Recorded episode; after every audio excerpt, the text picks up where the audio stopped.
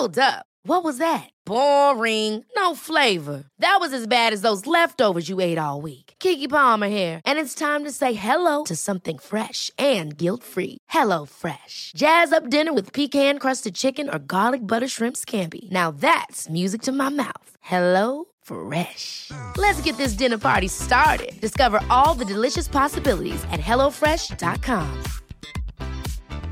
Hey, it's Ryan Reynolds, and I'm here with Keith, co star of my upcoming film, If, only in theaters, May 17th. Do you want to tell people the big news?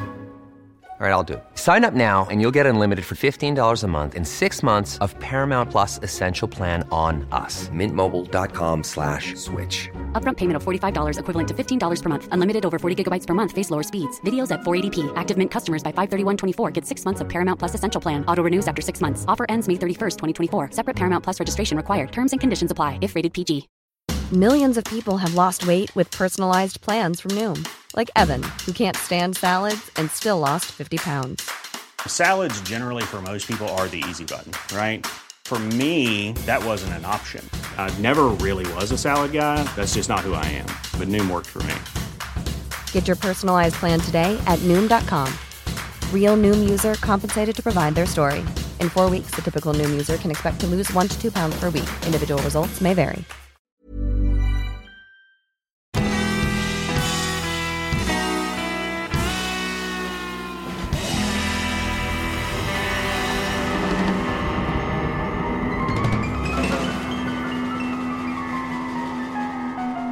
Hej allihopa och välkomna tillbaka till ett nytt avsnitt av Ståpäls. Det är alltid jag Ida och med mig så har jag ju Lukas. Lukas. Happy Halloween får vi säga. Happy Halloween ja, Det precis. var ju visserligen, om ni lyssnar på torsdagen så var ju det i måndags men eh, ändå. Mm. Glatt Ändå. höstlov kanske man kan säga då. Ja, det är ju höstlov nu med. På, Mm. Jag vet inte om det är det i hela Sverige eller om det är Jag tror det. hälften. Ja, jag, vet faktiskt inte. men jag, större delen tror jag. Mm. Jag kan ha helt fel. Ja, nej jag vet inte. Vi har det i Uppsala i varje fall. Mm. Ehm, så att eh, ja. Och så har det varit eh, helg och då har vi ju haft vår lilla Halloween festmiddag. Mm.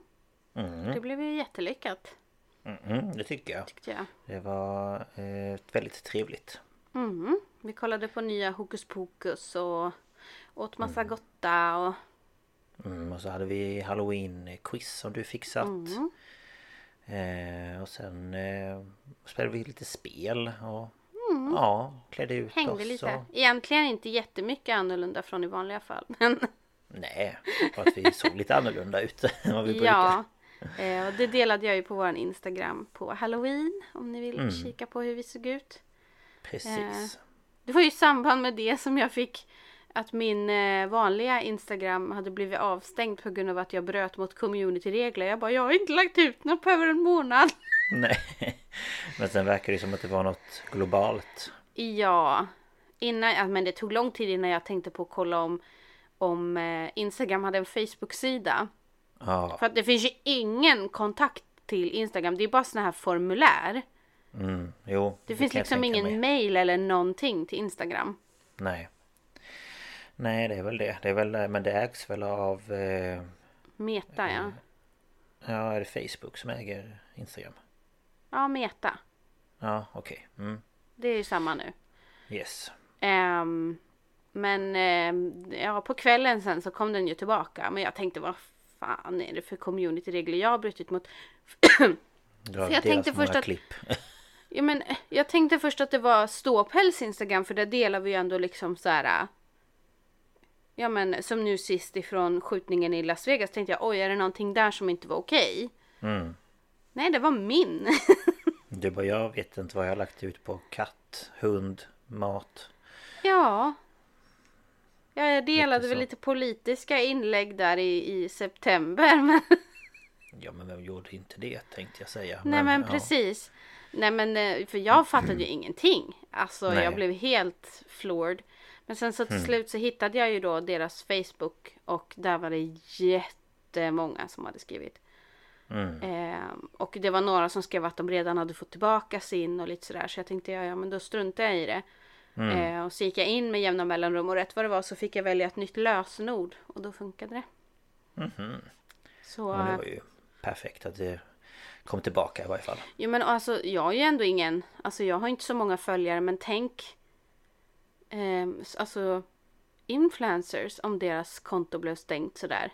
Ja, jag tänkte också på Det det. är ju mycket inkomst. Och som vissa, alltså eftersom folks konton blev avstängda så förlorade de ju tusentals följare på någon minut. Mm, precis, och det kan ju ställa till eh, Mm. väldigt mycket. Så att eh, nej, det kan ju Men bli jag vet lite... inte, måste, alltså, det måste ju ha varit någon bugg eller något. Vissa säger att det är Elon som planterar buggar. Men Jaha, nej det vet jag inte. ja, eftersom han har köpt Twitter nu vet du. Och så Ja. lämnar ju folk Twitter. Mhm. i protest och så vill han väl att folk ska använda Twitter och då säger de att det var han som planterade en bugg i Instagram för att folk skulle gå ut på Twitter. Jag vet inte. Ingen aning. Men eh, vem vet i den här världen vi lever i vad folk Mm. gör. Ehm, ja, på tal om Halloween så var det ju fruktansvärt det som hände i... Jag I tänkte Sydkorea. precis på att vi skulle ta upp det som hände i, eh, i eh, Seoul var det va? Mm, ja, det var det. Vad hette det här? In, i- Intua... Itawa... Ja, jag kommer inte ihåg vad området hette men det är det här typiska ungdomsfestområdet. Mm. Och Eh, det gick ju inte som de hade tänkt så att säga. Nej, alltså stora folkmassor är ju farligt liksom. Ja, ja, ja. Det har vi ju sett en- på tidigare, tidigare händelser, liksom Roskilde och så vidare. Precis. Jag såg ju en TikTok från en kille som hade varit där med sina kompisar. Mm. Varav eh, en klämdes ihjäl och två eh, var på sjukhuset med livshotande skador. Och det var ju så mycket folk så att det tog 30 minuter för, att, för polisen att ens förstå att han behövde deras hjälp. Mm. Och sen tog det typ ytterligare 30 minuter till en timme för liksom ambulans och vidare att komma dit. Men de, de måste ju skingra folkmassan och vad ska den ta vägen liksom? Nej men precis. Så att... Eh, Jag Nej, såg en galet. eh, intervju med en kille från Australien som var där med sina vänner. Och han hade lyckats klättra upp på någonting ur den här folkmassan. Alltså Mhm. vi får ju tänka det här är ju liknande den här jävla stampeden i Lejonkungen. mm, är Ja, typ så. mm, Eh, och han hade hållit sin tjejkompis i handen och han tappade hennes hand och nu vet inte han var hon är någonstans. nej men gudaskymning. Ja, ja nej det är fruktansvärt att det kan Mm. gå så. Alltså jag menar för att vad jag förstod det som så de hade ju ingen kontroll överhuvudtaget om hur mycket folk det var där. Nej, alltså det var ju över 100 000 pers och så pressades den här folkmassan genom en gränd som var fyra meter bred. Mm. Och det är ju inte jättemycket så mycket Nej, människor. vad är det? Typ fyra pers i bredd.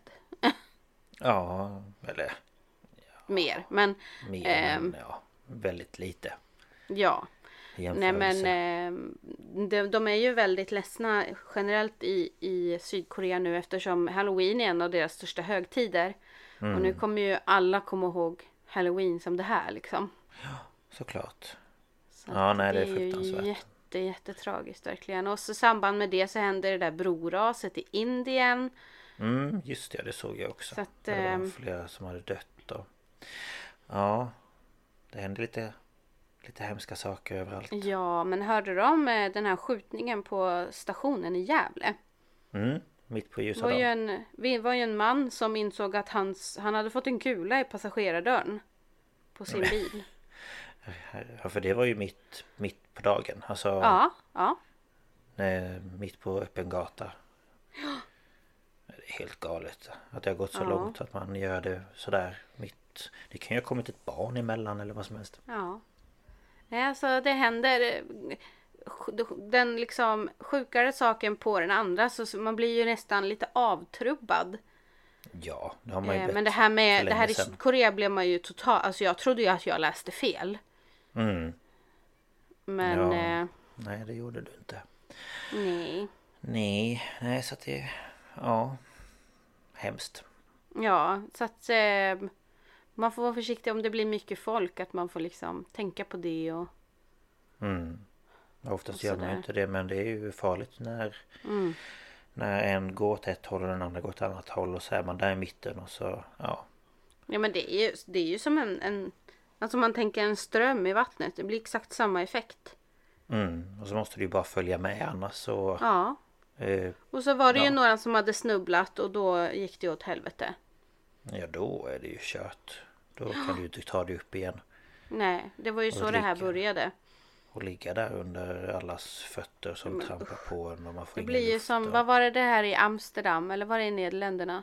Var inte den här techno? Love eh, techno Jo, jo. någonting Någon Precis. festival som också var så mycket folk som skulle var väl in eller ut genom en av ingångarna. Det var väl blev ut, så- det vart väl panik? Ja för alla, ingen kom ut liksom och det blev sån Nej. jävla flaskhals liksom. Nej, och sen har vi ju Roskilde när folk halkade ner i leran och, Mm. och sådär. Så att eh, Nej, vi är farliga är vi det, människor. det är tragiskt. Och sen är det färgar en högtid eller så liksom. Mm. Men Ja eh, så är det. Men men sånt Mm. är väl eh, tyvärr livet. Ja, sådana är vi människor. Vi är inte försiktiga med varandra. Nej, verkligen. Ja ja, hur måste med dig då? Ja, det är väl helt OK. Jag håller ju på, jag har ont i magen. Jag vet inte. Mm. Så jag försöker vara snäll mot den idag. Det går väl hyfsat. Dricka mycket Mm. Ja. vatten så. Men annars är det okej. Mm. Ja, nej, Men med är väl- dig då? Jo, lite trött. Ehm, annars så tycker jag väl att det rullar på. Det är som Mm. sagt höstlovsvecka så att det är ju lite, lite lugnare på jobbet. Men det är ju inte alls som på, alltså på skolor och sånt där alla är lediga. Utan vi har några färre så att eh, Mm. lite lugnare. Ehm, men eh, ja, vi har gjort lite halloweenpyssel och lite så. Så att eh, det är ju Ja, men det är lite mysigt. Man kan ju fokusera lite mer på enskilda barn och sådär. Mm. Precis. Så att eh, Sen skulle det vara några färre nu resten av veckan så att eh, Vi får väl se. Men Då kan ni få eh, lite administrativt gjort också. mm, Precis, det behövs. Ehm, men så att nej, det är väl bra tycker jag. Mm. Mm. Vad skönt. Då har hunnit skriva och så också eftersom Fredag lördag blev ju eh, upptaget. Vi var ju faktiskt på feed på bio också måste vi ju säga. Ja just ja, ja det Eh, Joakim Lundells film och vi är väldigt nöjda ändå. Ja, alltså för vad Om man tänker liksom vad det finns för utbud av svenska skräckfilmer så finns det ju typ inget. Så att jag tycker att Mm. Och den... som, eh, som han säger också att den är filmad på väldigt kort tid och med ganska liten budget. mm, Så jag tyckte att, den var eh, jag, spännande jag blev bra. imponerad faktiskt. Det blev jag också. Lite så här twist and turns och lite sådana här jump scares och, Ja, och grejer. Så att nej. Positivt överraskad. Och sen i Eh. söndag så kollade vi ju på eh, LaxTons eh, live från eh, Polen.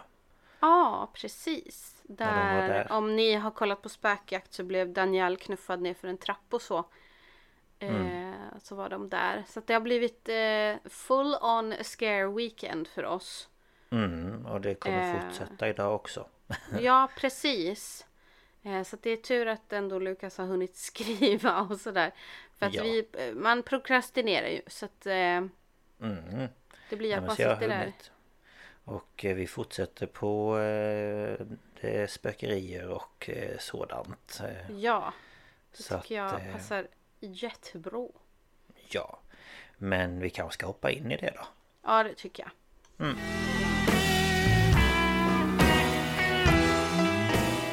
Ja, och eh, som vi sa innan eh, den här mellansången tänkte jag säga. det är ingen sång överhuvudtaget men ja.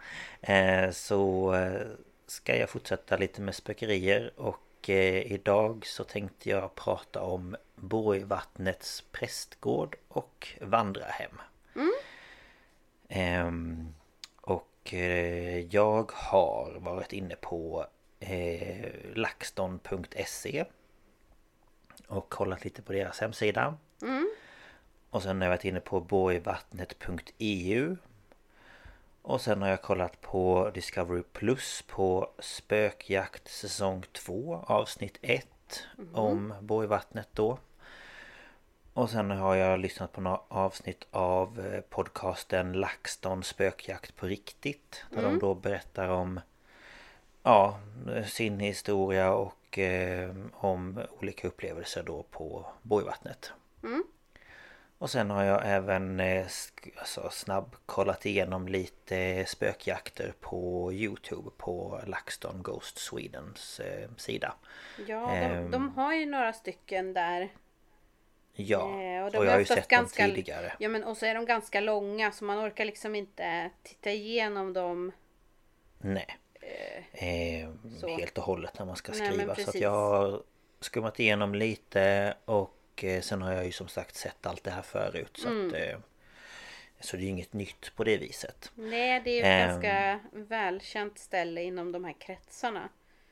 Precis. Eh, för det är ju nämligen så att det sägs ju då att Borgvattnets prästgård i varje fall eh, ska vara Sveriges mest hemsökta hus.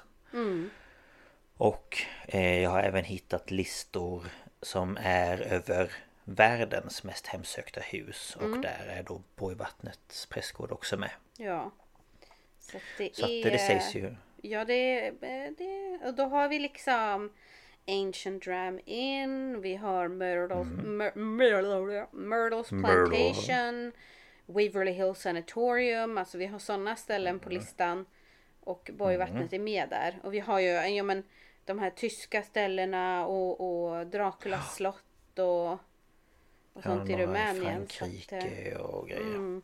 Så att eh, det är eh, uppe där bland de mest hemsökta ställena i varje fall. Det är coolt tycker jag. Någon Ja, gång ska vi åka dit. coolt. Men eh, Mhm. det är ju Det en bit upp liksom. Jo, det är ju det. Men vi får se. Vi, någon, någon dag kanske Mhm. vi kan åka upp. Ja. För ja, Borgvattnets prästgård i varje fall. Det ligger då i byn Borgvattnet. Och det är en eh, gammal skogsby i Jämtland. Och eh, den här byn den ligger cirka 10 mil från Östersund. Och idag så bor det cirka 70 invånare i byn. Så det är ju väldigt... Ja, väldigt lite... Åh gud min röst! väldigt liten eh, by skulle jag säga. Ehm, men där finns en lokal affär med ja, matvaror och dylikt. Eh, och en kyrka och eh, några sådana här småföretag, sådana lokala småföretag. Och eh, det var år 1750 som eh, de första nybyggarna bosatte sig i Borgvattnet. Och det här var då bönder som kom från Hammerdal, vilket är då i området. Men som då tog sig dit och byggde hus och röjde upp marken och ja, gjorde liksom ett litet samhälle där för dem. Ehm, och det kallade då byn för Borgsjö. Ehm, så det hette det då från början. Eh, och 30 år senare så hade man en gemensam bystämma. Alltså typ som ett... eh, Vad ska man säga? Eh, Man samlas och diskuterar saker Ja, om eh, ja. stället liksom. Och där beslöt man sig då för att kontakta Kunglig Majestät. Och förr i tiden på, det, på den här tiden så var det då benämningen på det statsorgan som då fattade beslut i konungens namn. Och anledningen till att man kontaktade detta det var för att man ville bygga då en kyrka i byn. Och eh, ansökan den eh, beviljades. Och en man vid namn Paul Persson började då bygga eh, den här kyrkan. Och eh, tiden gick då och under 1800-talet så växte då den här byn mer och mer. Och år 1872 så byggdes den första vägen i byn. Och eh, den gick då till ett ställe som heter Mårdsjön med Å. Så inte Mård utan Mård. Ja. Eh, Där byns då poststation låg. Och ett tag senare så byggdes även en väg till det här Hammerdal. Som de här bönderna kom ifrån. Och år 1876 så var Borgvattnets prästgård färdigt och in dit flyttade då den första prästen som hette Per Johan Strindberg. Och det är inte Strindbergs släkt utan ja Alltså August Strindberg menar jag då. Nej, nej, ja. Nej.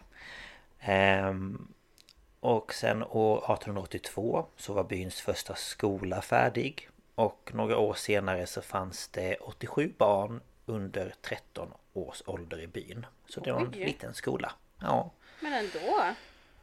Ja, så att eh, det var väl en, ja, en del ska jag Ja. väl säga ändå. Mm. Ehm, och sen under eh, skiftet mellan 18 till 1900-talet så bytte byn då namn från Borgsjö till eh, Borgvattnet. Och eh, nu så började även företagsamheten att blomstra och en ny såg byggdes. Alltså en sån stor såg som man har i, vid, eh, vid eh, vattnet. Alltså Ja, ett sågverk helt enkelt. Ja, ett sågverk. Och det fanns affärer, ett gästgiveri och ett café. Och under 1920-talet så byggdes det man då kallade för hemgård. Men som idag heter äldreboende. För de äldre då som bodde i byn. Och under 1950-talet så började då eh, dock människorna i byn sakta eh, men säkert flytta ut från byn. Eh, tyvärr, eller hur man nu vill se på det. Eh, och det här eh, gjorde då människor trots att en ny skola började byggas. Eh, men den här fick dock stängas år 2009 då det inte finns tillräckligt med barn som kan Nej. gå i den. Så ja, det är lite synd. Ja. Ehm, och år 1970 så köpte en man vid namn Erik Brännholm Borgvattnets prästgård och öppnade upp den för allmänheten som ett hotell. Och det här var då väldigt lyckat eh, då det redan första sommaren kom över 5000 besökare till huset. Oj! Mm. Så det är ju en hel del måste jag Ja. säga. Så att de ville dit och eh, titta och prova bo där. Eh, och eh, cirka 200 meter från den här prästgården då så ligger ett annat ensligt hus som då anses vara ännu värre än prästgården. Och då är det nämligen Borgvattnets vandrarhem. Och mellan husen så finns det även en kyrkogård. Så alltså med prästgården är på ett ställe och sen går man igenom en kyrkogård-ish och så är man vid vandrarhemmet. Och vandrarhemmet var då förr i tiden bostad åt familjen Almqvist med sina barn. Och efter att de bott där så flyttade en annan man vid namn Karl Palm och hans fru Märta dit. Med deras son Sven-Olof. Och under senare tid har därför huset och gården kallats för Karl Palms. Ehm, och det var och det har då varit väldigt många präster som bott och arbetat på prästgården genom åren. Och två av dem, Eh, eller dessa säger man kanske, eh, domma, ehm, var Nils Hedlund och Erik Lindgren. Och Nils Hedlund eh, föddes i Borgvattnet år 1902 och var son till den tidigare prästen Per Hedlund och hans hustru Märta. Så hon hette också Märta men det är inte samma Märta som den andra. Nej. Eh, Nils växte upp eh, på prästgården och man har hittat anteckningar från honom som är från år 1927. Och som då handlar om märkliga fenomen som han då har bevittnat i huset. Och Nils mamma, alltså Märta, hade vid den här tiden varit död i 19 år. Hon dog då i, inne i huset. Mm. Och man misstänkte att hon kunde ligga bakom en del av det här som då hände. Ehm, och han ska bland annat ha bevittnat eh, en sån här tvättlina. ehm, eh, alltså tvätt på en sån här ja, tvättlina som har slitits av när ingen har varit där. Ehm, Man kan ju undra om det var hans mamma. Varför skulle hon göra det? ja, hon kanske var irriterad på att tvätten hängde där för länge. Nej, jag vet inte. Ja, kanske. Plocka undan tvätten. Nej, Den här är ju eh, ja. torr. Ja, ner med skiten. Det här kan du inte hänga Eh. den. Den kommer bli rynkig. Ja, precis. Det måste manglas. Ja. Ehm, ja, och sen den andra då var ju Erik Lindgren och han blev präst år 1945 och fortsatte som det till år 1973. Och han var även den sista prästen som bodde och arbetade i prästgården.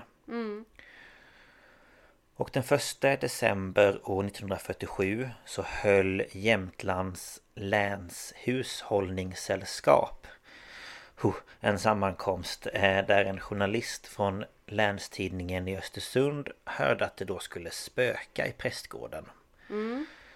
Så den här journalisten kontaktade därför Erik Lindgren som då valde att ställa upp på en intervju där han då berättar vad, vad han då och andra präster hade upplevt.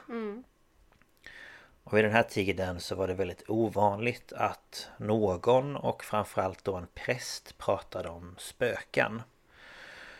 Så när den här artikeln i tidningen kom ut så var det då många som ja, men, höjde på ögonbrynen och tänkte liksom vad är det här för galenskap?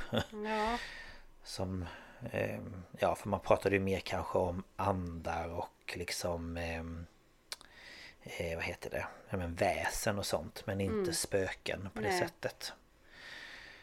Eh, och eh, efter det här då så var det fler tidningar som nappade på hans historia och eh, både Aftonbladet och Stockholmstidningen publicerade stora reportage där Erik då berättade om hur han hört fotsteg i huset, ljus som tändes och släcktes av sig själva och om osynliga skepnader som han då gick in i, i huset. Så han liksom krockade med dem. Och nu så ville ju då fler och fler få prata med Erik och eh, han blev kontaktad av journalister i hela Sverige men även från Norge, Danmark och USA. Så det var många som ville höra hans ja, berättelser. Ja, det förstår man ju. Mm. Och eh, han berättade bland annat för tidningarna att han en kväll när han då precis flyttat in i huset ska ha hört ljud från eh, ovanvåningen. Och det lät bland annat som att tunga föremål släpades över golvet. Som liksom att möbler flyttade sig och sådär. Mm. Och det här tyckte ju han då var väldigt konstigt då övervåningen nämligen var helt tom. Eh, för han hade ju precis flyttat in dit så det fanns inga möbler på ovanvåningen. Och dagen efter detta så berättade Erik att han satt och arbetade i expeditionen då han hörde fotsteg ute på gården följt av ljudet av någon som stampade av sig skorna på då fastubron. Och när han gick och öppnade dörren så var det ingen där. Nej. Och det här förekom då så ofta att Erik till slut liksom Ja men slutade lägga Han la väl märke till det men han brydde sig inte om det längre Nej precis. Han vanligt. tänkte väl att om det faktiskt är någon så får de väl ropa hallå. Ja, ja men lite så att det liksom hände nästan hela tiden så han bara Mm. "Ah, ja men nu är det nu är det någon där igen som går. och ehm, han berättade också att det i husets västra del där då expeditionen låg oftast kändes som att han inte var ensam när han då satt där och arbetade. Och det kändes som att någon satt bredvid honom och han ska då vid flera tillfällen gått in i något som han inte kunde se. Och han skrev en journal eh, över allt han var med om. Vilket är ju väldigt tacksamt nu när man kan liksom det- gå tillbaka och... Det är ju väldigt smart också för det kan ju liksom att han, han är inte galen utan eh, jag menar han upplever faktiskt det här liksom.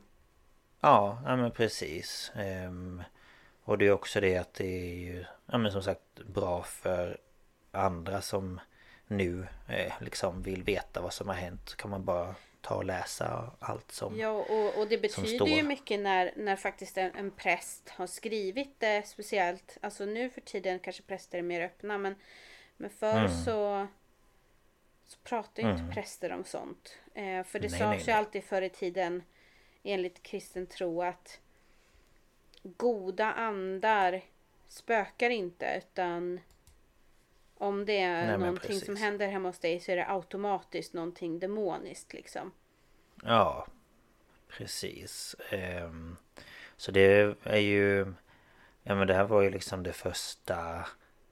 eh, Liksom där en präst verkligen så här, men kom och... Du, får in, alltså, du får intervjua mig och jag har massa att berätta och liksom sådär. Jo, det var väl en del i kyrkan som inte var jättenöjda med att han gjorde det. Eh, Men... eh, Ja, men sen så var det ju öppnade ju det här dörrarna för fler och fler att våga Mm. berätta. Så att det var ju också det att oftast är, gäller det ju att bara någon vågar för Ja. att fler ska också Precis. nappa på det och våga berätta vad de har Men varit med det, om. det var ju att- lite tabu för präster att prata om sånt för att Mm. Ja men det ska ju inte finnas eller hur ska man säga? Nej men precis. Så är det ju. Ehm, Men i den här journalen i varje fall så står det om en händelse där han en kväll satt och läste en bok då i en gungstol som finns eh, i prästgården. Och plötsligt ska sk- då den här stolen ryckts framåt vilket resulterade i att han föll ner på golvet. Just det. Ja, och han tänkte ju först att men oj gungade jag sådär liksom kraftigt. Oj. Det var nog mitt Tappa eget fel balansen liksom. lite. Vad sa du? Ja, jag tappade balansen lite ja.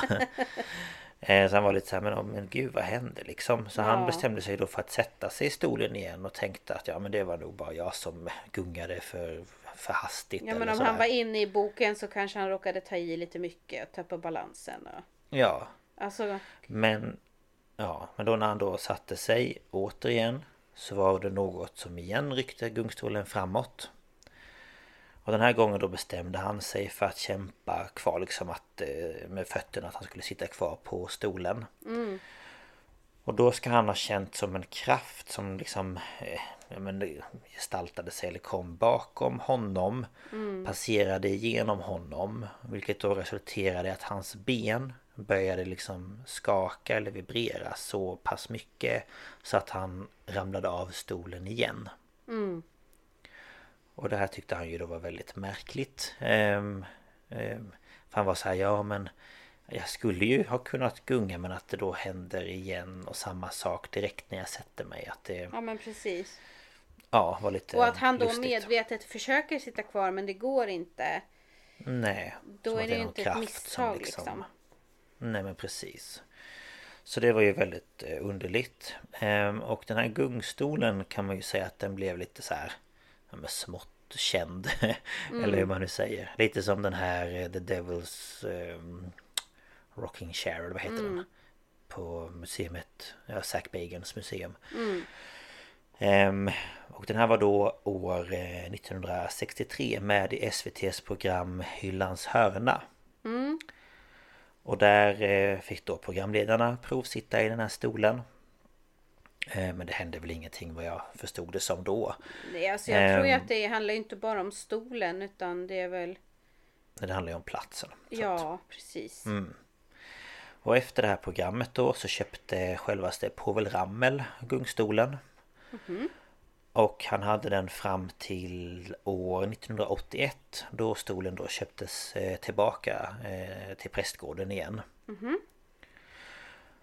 Och efter allt detta då så är det fler präster och gäster som då bestämde sig för att träda fram och berätta sina berättelser.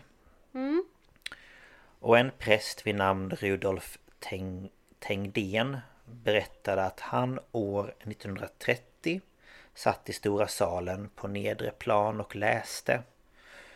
Och han ska då plötsligt fått syn på en gråklädd dam som uppenbarade sig i ena hörnet av själva rummet. Och hon ska då med långsamma steg börjat gå mot honom och sedan plötsligt ändrat riktning och gått in till expeditionen. Och när han då eh, som då följt efter henne eh, öppnar dörren in till expeditionen så är rummet tomt. Alltså det är ingen där. Och under senare tid har gäster berättat att de har sett en lång mörk skepnad med hatt gå mellan expeditionen och matsalen. Mm. Men det var den här som han såg var ju då en dam och ingen herre med hatt eller så. Nej, precis. Ehm, och en annan präst vid namn Otto Lindgren berättade om ett tillfälle då han och hans fru satt i matsalen och hörde hur ytterdörren öppnades. Och eh, därefter så hörde de tunga steg som gick in i köket. Och de gick då till köket för att se vem det var som hade kommit dit på besök. Men det var ju självklart ingen där. Nej.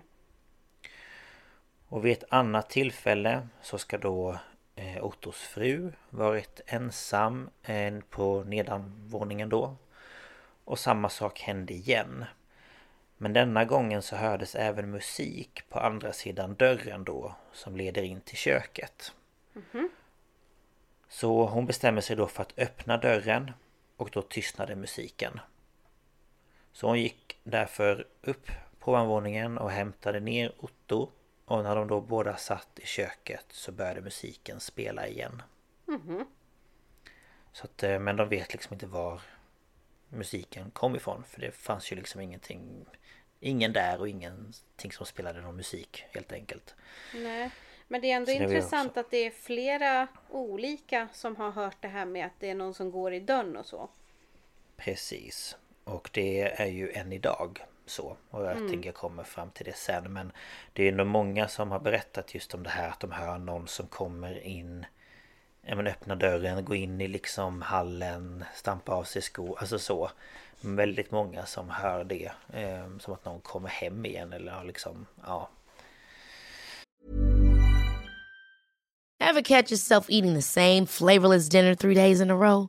Dreaming of something better? Well, Hello Fresh is your guilt free dream come true, baby. It's me, Gigi Palmer. Let's wake up those taste buds with hot, juicy pecan crusted chicken or garlic butter shrimp scampi. Mm. Hello Fresh. Stop dreaming of all the delicious possibilities and dig in at HelloFresh.com. Let's get this dinner party started. Hey, it's Ryan Reynolds, and I'm here with Keith, co star of my upcoming film, If, only in theaters, May 17th. Do you want to tell people the big news? All right, I'll do it. Sign up now and you'll get unlimited for $15 a month in six months of Paramount Plus Essential Plan on us. Mintmobile.com slash switch. Upfront payment of $45 equivalent to $15 per month. Unlimited over 40 gigabytes per month. Face lower speeds. Videos at 480p. Active Mint customers by 531.24 get six months of Paramount Plus Essential Plan. Auto renews after six months. Offer ends May 31st, 2024. Separate Paramount Plus registration required. Terms and conditions apply if rated PG. Så det är lite underligt. Ja. Ehm, och år 1941 så var stiftsekreteraren Inga Flodin på tjänstresa och övernattade en natt då i rummet som idag kallas för Gråterskornas rum. Och hon ska mitt i natten ha vaknat och känt sig iakttagen. Och i rummet så finns det än idag vad jag vet en soffa. Och när hon då tittade mot den här soffan så såg hon tre damer som stirrade på henne. Och hon tände då lampan men de satt kvar. Och hon ska då ha nypt sig i armen för att se om hon drömde eller om hon faktiskt eh, var vaken. Och hon var vaken för hon drömde inte. Ehm, för när hon då släckte lampan och tände lampan igen så var de fortfarande där. Och för att verkligen kontrollera att hon var vaken så ska hon då ha låtit eh, För att hon hade väl ställt någon slags väckarklocka. Så den började ringa och hon lät den ringa länge För att liksom så här, ja men jag är verkligen vaken. Ja. Men hon såg ju dem fortfarande liksom. Och när hon då tittade närmare på damerna så såg hon ju då vad de hade på sig. Och den ena hade en svart klänning Den andra hade en lila klänning Och den tredje hade en grå klänning Och då kan man ju tänka sig den här damen i grå klänning som den här andra eh, prästen såg Ja, eh, gå precis. förbi Och det var ju inte Elsa Beskows tre damer. Tant Brun, Nej. tant Grön- och tant Nej precis Nej det var det faktiskt inte Och Även om man skulle kunna tänka sig det Ehm, Det hade ju varit Och- creepy om de hade de färgerna också. Ja det hade faktiskt varit helt galet Ehm, Men anledningen då varför det kallas för gråterskornas rum Det var att den här damen som var klädd i, i grått då Såg väldigt sorgsen ut och hade så här röda ringar runt ögonen Som att hon hade gråtit Och dagen efter när då Inga skulle åka därifrån så pratade hon med den dåvarande prästen Bertil Tunström.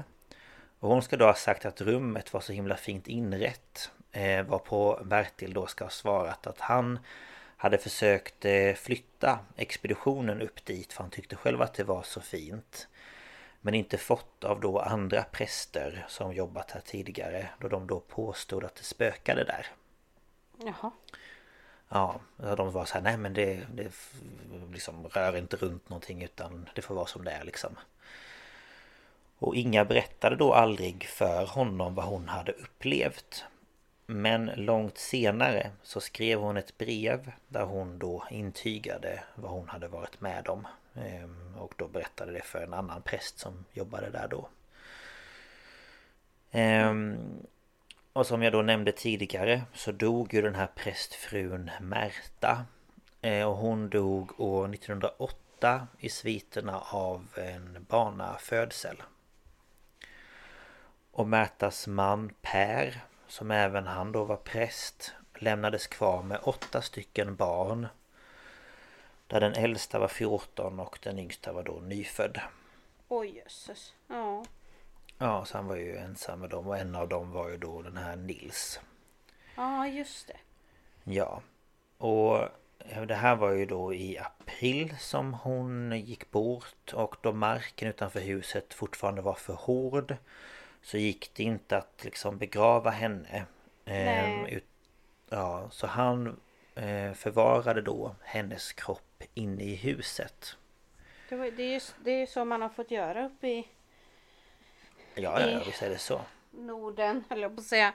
Nej men Mm, precis. beroende på hur eh, hård vintern har varit. Men eh, speciellt där uppe i norr då.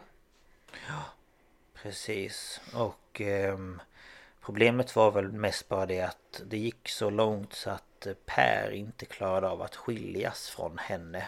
Nej just det. Ehm, så att det tog ju väldigt lång tid innan hon fick ja, begravas och vila i lugn och Ja. ro. Ehm, och i det här rummet då som idag kallas för gula rummet där då hon... Något! Ja, det där gör jätteont och nu sitter du fast. Aj! Klöste han dig eller?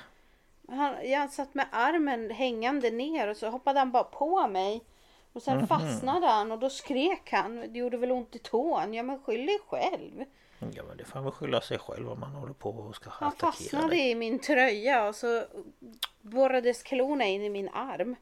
Men alltså, han är ju en jävla stjärna. Det gjorde faktiskt jätteont. Det kan jag tänka mig. Usch, springer jag ja. härifrån. Ja, Jag väl. skitstövel.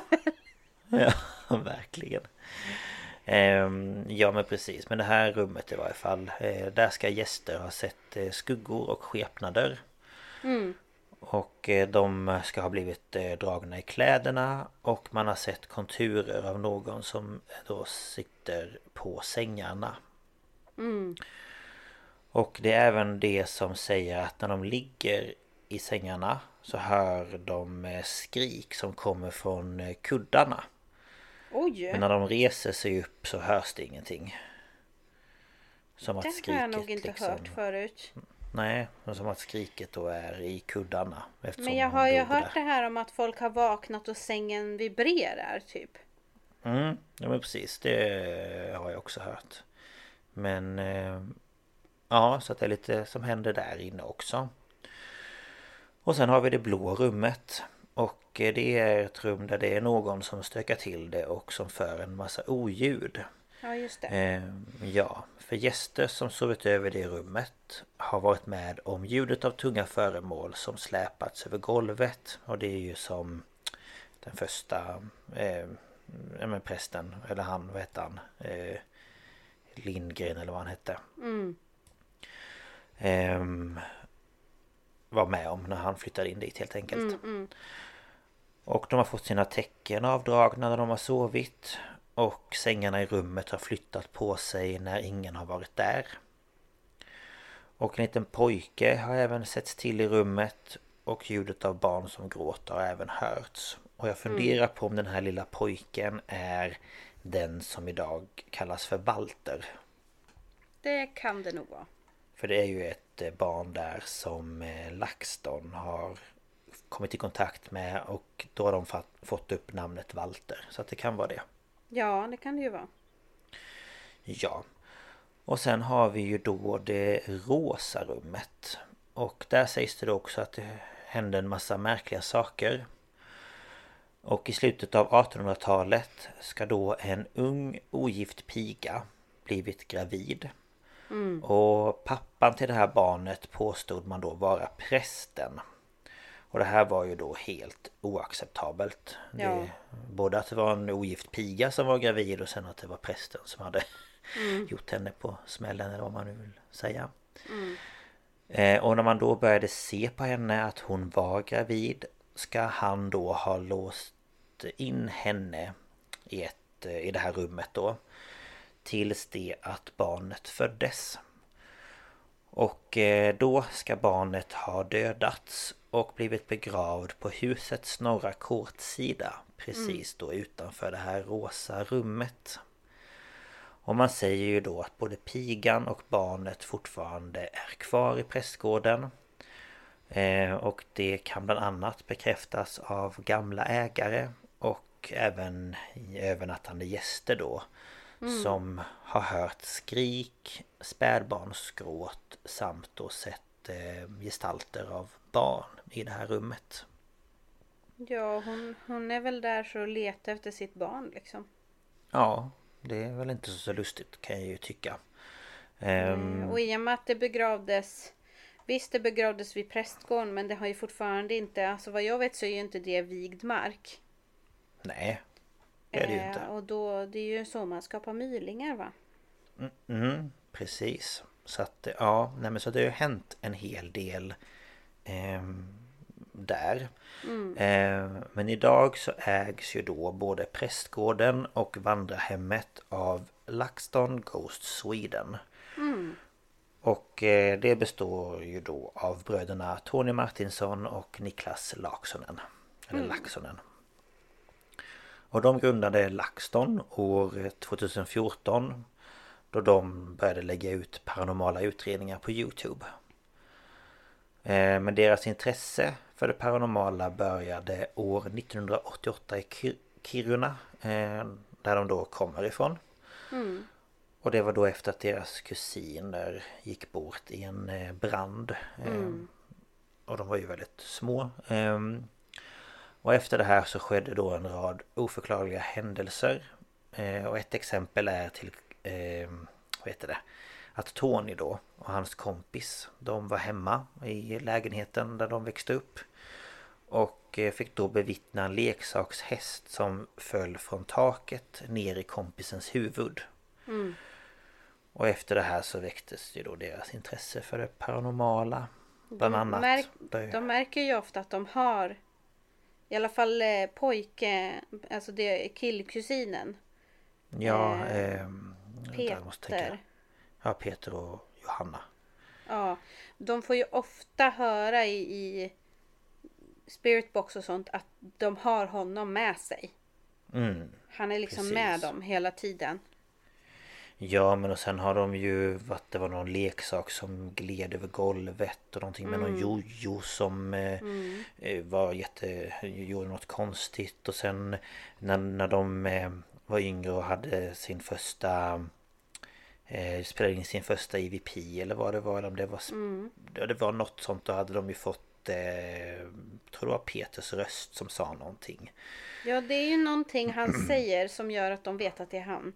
Precis. Så att eh, ja, det brukar ju vara en hel del eh, sådana eh, saker som händer för dem. Ehm, Men själva anledningen till att de då köpte Borgvattnets prästgård och vandrarhem Det var för att deras manager skulle ringa dit och prata med de förra ägarna och fråga om de då fick boka stället. Och de ville göra ett event där. Eh, Och då ska ägaren liksom ha sagt att ja men det här låter som en jätterolig sak men eh, det är så att jag tänkte att jag skulle sälja det här. Ehm, och de bara aha okej liksom. Ehm, och de förra ägarna de var i 70-årsåldern.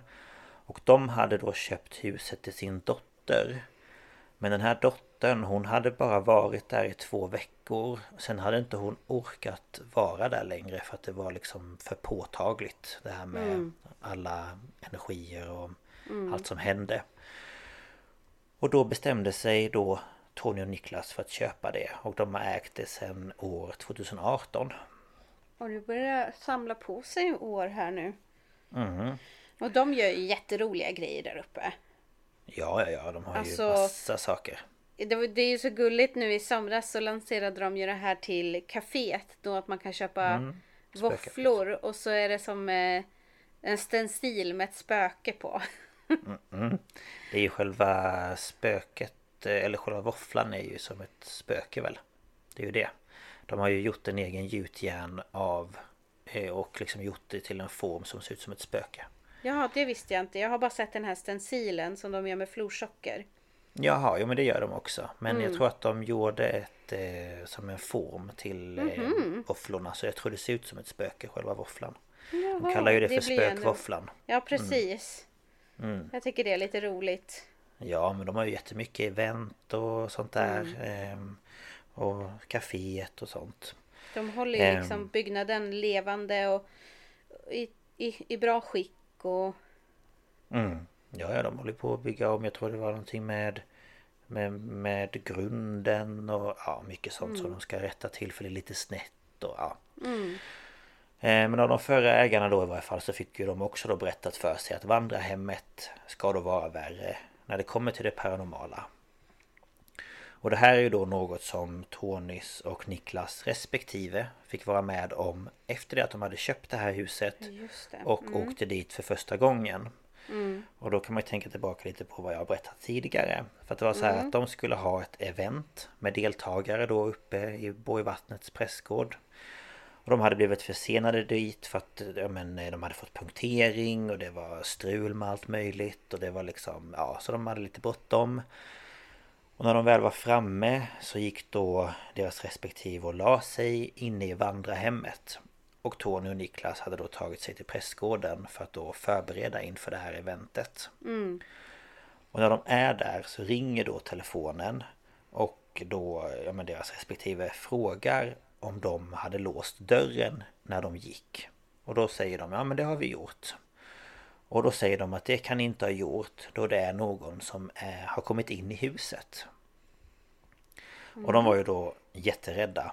Och de vä- vågade ju inte gå ner och titta om det var någon där. Så då tar Tony sig dit och när han kommer fram så är dörren låst. Och det är ingen i huset. Men de berättar i varje fall att de ska ha hört någon gå upp på fastubron. De hörde dörren öppnas och hur någon tråkar av sig skorna och går in i köket och så hörde de en mans röst som liksom står och mumlar där nere. Och de var helt stensäkra på att nu har någon kommit in i huset. Det är någon som har en nyckel eller någonting som har tagit sig in hit. Men nej, dörren var låst och det var ingen där. Så det är ju väldigt mystiskt. Ehm, Ja.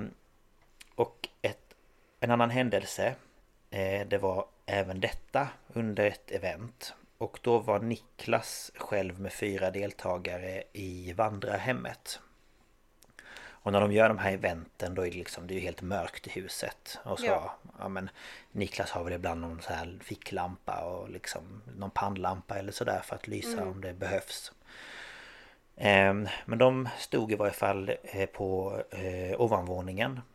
Och där är det liksom en skrubb Och sen ungefär ja, men, tre och en halv meter längre bort så är det liksom ett, ett rum Ett sovrum tror jag det är.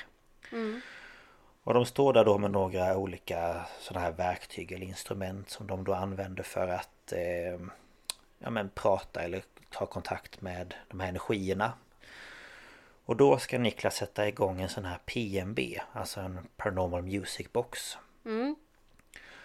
Och det var väldigt mörkt som jag sa eh, Så han såg liksom inte riktigt var den här mm, ja, men PNBn var någonstans Så han började liksom känna efter den.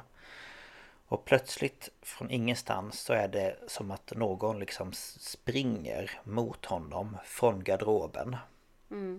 Det är som någon rusar mot honom Och han hör då de här stegen Och han trodde liksom att det var någon som var där inne och liksom hade gömt sig och skulle attackera honom så han lyckas eh, tända sin pannlampa och han ser då att deltagarna de står där som några jävla frågetecken.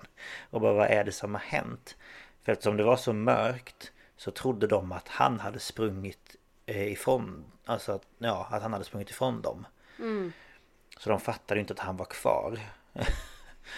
Ehm, eh, så det var ju liksom, och han eh, pratar ju än idag om den här händelsen att det var så himla sjukt att det liksom Ja men som att någon liksom bara skulle attackera honom. Någon bara så här sprang rakt ut härifrån. Och jag hade Ja. blivit livrädd om det var jag. Alltså, Ja, du hade ju dragit. jag hade ju typ bajsat Det på mig, ju. kräkts och sprungit samtidigt. Det vet vi ju. Det vet vi ja. Ja, nej jag Lukas, hade ju... Lukas går inte att räkna med om det händer någonting. Nej, jag springer. Tydligen. Så frågar man vad är det som händer? Jag vet inte! Nej, jag har ingen aning. Ehm, ja, ehm, och de här stegen då eh, som Niklas fick eh, uppleva det har även Tony hört när eh, de var där och deras syster var med. Och eh, de har berättat att hen, deras syster tycker inte alls om det de håller på med. Nej. Hon är typ jätterädd. Ehm, och de var då precis på väg att gå ut från vandrarhemmet. Och då hörde de precis exakt samma springande steg på övervåningen. Och när de då springer upp för att titta så ser de hur den här eh, skrubb, alltså dörren in till skrubben eller garderoben sakta öppnar sig. Som att någon har liksom sprungit ut från garderoben. Och det är alltså just det här med garderober och skit. Man bara men snälla sluta var inte där inne. Kan inte de vara någon annanstans? Så jävla vidrigt. Ja. Sitt hellre i någon säng eller nej men jag vet inte. Mm. Ehm, men förutom Youtube då där LaxTon då lagt ut många paranormala utredningar som de då Ja, har gjort gud, ja. både från Prästgården och Vandrarhemmet. Så har de ju även varit där med spökjakt. Mm. Ehm, och det var då säsong 2 avsnitt 1. Och då är de ju där tillsammans med Jocke och Jonna och så är det ju Dan Daniel och så är det Andreas och eh, sen tror jag inte det var någon mer i den... Eller var ju Johanna... Vad heter hon? Var Johanna med då? Mm, jag vet inte. Eller om det var då. Ah, De har ju haft lite olika gäster. Ja, ja men jag det minns var, inte nu. Det var några i varje fall. Och så var det ju kamerateamet och sådär. Ja, såklart. Och eh, i det här avsnittet så är de då bland annat först inne i prästgården och där får de då uppleva lite saker. Och en av de här sakerna då det är när Jocke och då hela gänget är på ovanvåningen. Och Jocke ska då själv gå upp för en trappa till vinden. Eh, och han har då tagit med sig en kamera för att filma.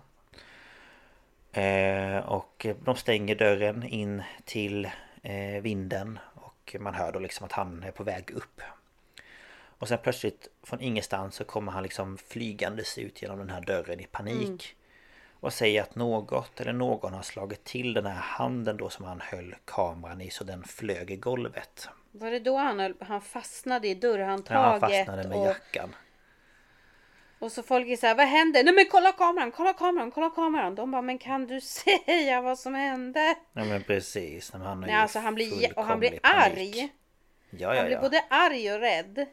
Precis. Ehm, och problemet är ju bara det att när de då försöker kolla tillbaka på det han filmat så får de upp ett felmeddelande att filen är skadad.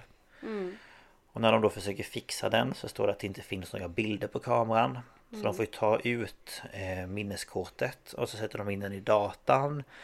Och så måste de försöka liksom hitta den här filen igen och då kostar det typ så här 53 dollar att eh, återskapa den och Jocke bara men tala, kör, bara, jag, vill, jag vill se liksom. Ja. Så de lyckas ju då till slut få tillbaka den här filen. Och när de kollar igenom filen så är det filmat fram till dess att Jocke blir själv kvar innanför dörren. Sen avbryts det och sen finns inte resten. Så ja.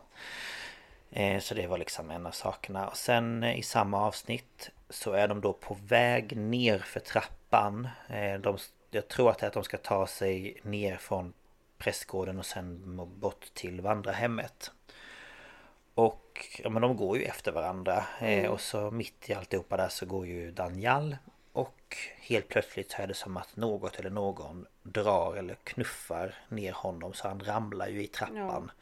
Så det är liksom bara du, du, du, du, du, du, hela Men så vägen var ner. det på prästgården? Jag hade för mig att det var i vandrarhemmet.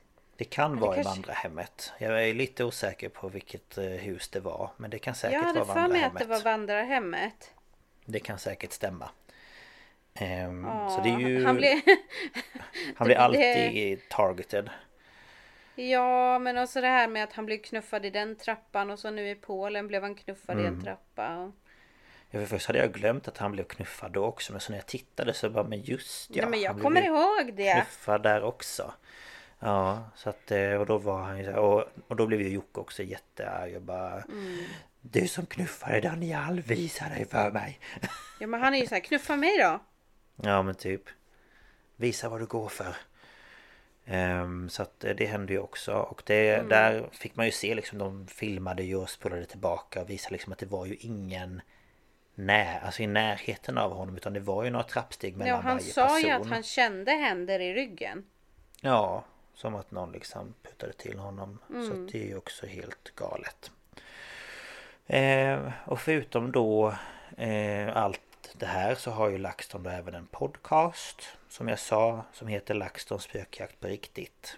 Och där har de bland annat flera avsnitt där de då berättar om sina och andras upplevelser från Borgvattnet. Eh, som jag tycker att om man är intresserad av att eh, höra mer om ja, men vad de har varit med om och sådär så tycker jag man kan gå in och lyssna för att det, de tar ju upp mycket liksom så här om event och ja, men vad gäster har varit med om och, och sådär. Som jag tycker är intressant att höra. Och inte nog med det så har de även ett museum i Borås.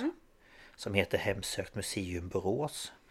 Och där har de ju då hundratals föremål från olika ställen. Eh, men de har även från Borgvattnet. Som man då kan Ja. åka dit och titta på. Ehm, Det är, ju, det är ju inspirerat av The Warrens Museum i Connecticut. Precis. Ehm, så det är väl, ja det och kanske lite av Zack Bagans. Alltså det är väl liksom lite... Ja, men det främst är det ju... museum. Originalet är ju The Warrens. Ja. Och där, det pratar de ju också ganska mycket om i sin podd om att det händer ju saker i det här museumet i varje fall en gång i veckan. Just eftersom det är så många olika energier som är samlade på samma plats och de har ju tagit med sig saker från när de var i Polen, de har tagit från när de var i Frankrike, Italien, eh, eh, allting. Så de har ju liksom olika så här displayer och väggar med olika liksom ställen där de har samlat saker. Och saker de ännu inte har lyckats få ut för att de får så mycket saker till sig hela tiden.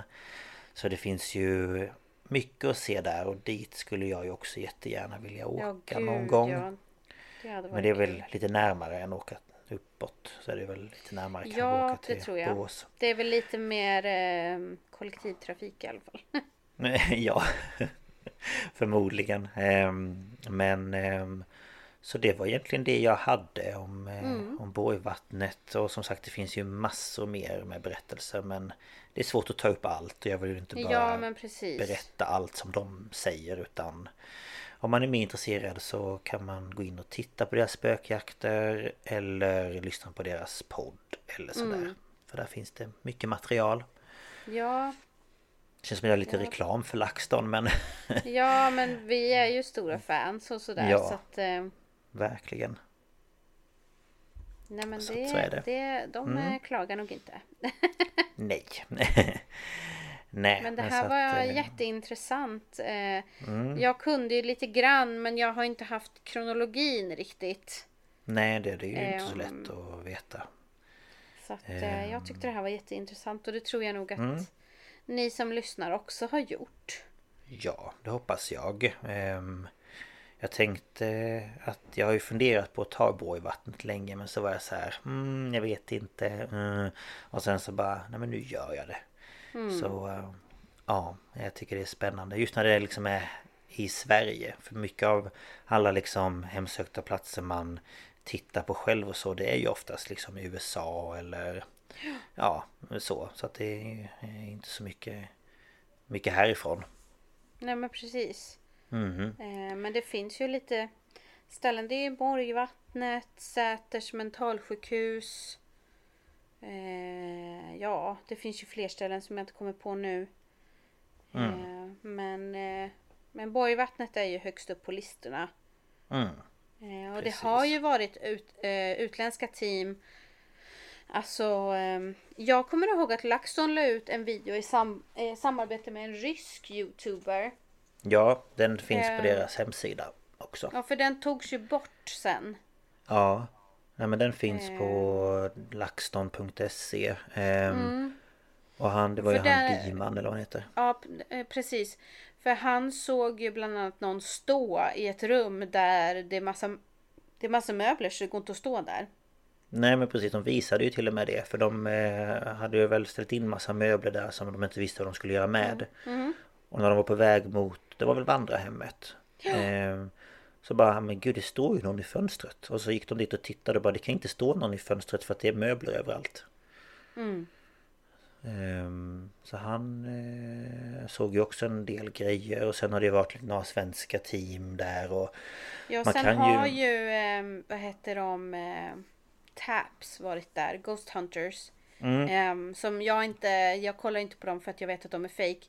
Eh, men de var ju där och det var ju innan LaxTon ägde det och jag vet att de var där. Eh, och sen betalade inte de för sig. Nej, Eh, och så åkte de. men för det är inte samma som det okända väl? Nej. Nej alltså Taps det är ju de här äh, som är rörmokare från början. Ja just ja, ja. För de, det okända har ju varit där också.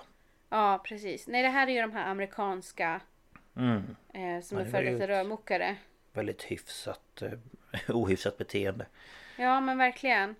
Eh, Ehm, men eh, Men man kan ju som sagt eh, boka, du kan boka eh, rum på prästgården. Sen kan du boka hela prästgården för en summa.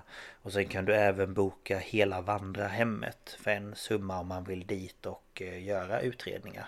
Mm, Ehm, och det är lite olika priser såklart. Eh, men jag tror en natt på ett av rummen är väl jag tror det var 450 kronor eller någonting. mm, Så det är ju inte jättefarligt. nej. Ehm, så det är ju ett tips också. Ehm, men ja, jag hoppas som sagt att ni tyckte det här var spännande. Ja men det tror jag nog. Tack så Ja. mycket.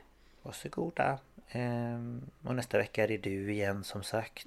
Mm.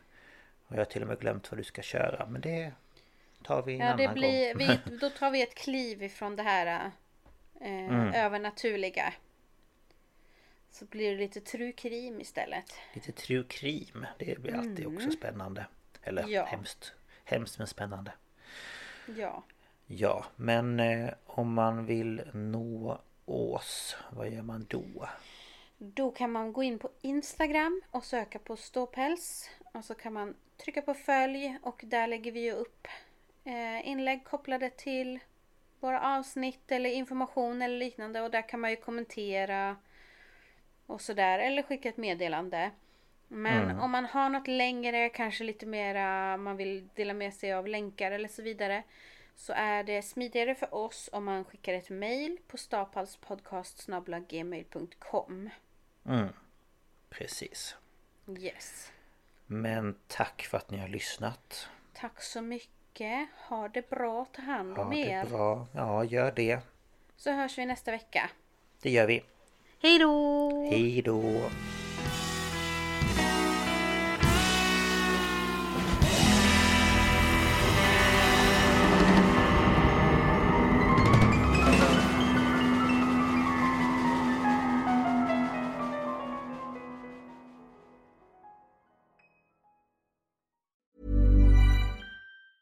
Hi, I'm Daniel, founder of Pretty Litter. Did you know cats tend to hide symptoms of sickness and pain? I learned this the hard way after losing my cat, Gingy. So I created Pretty Litter, a health monitoring litter that helps detect early signs of illness by changing colors, saving you money and potentially your cat's life. Pretty Litter is veterinarian developed, and it's the easiest way to keep tabs on your fur baby's health right at home. Go to prettylitter.com and use code ACAST for 20% off your first order and a free cat toy. Terms and conditions apply. See site for details. Hold up. What was that? Boring. No flavor. That was as bad as those leftovers you ate all week. Kiki Palmer here, and it's time to say hello to something fresh and guilt-free. Hello Fresh. Jazz up dinner with pecan-crusted chicken or garlic butter shrimp scampi. Now that's music to my mouth. Hello Fresh. Let's get this dinner party started. Discover all the delicious possibilities at hellofresh.com.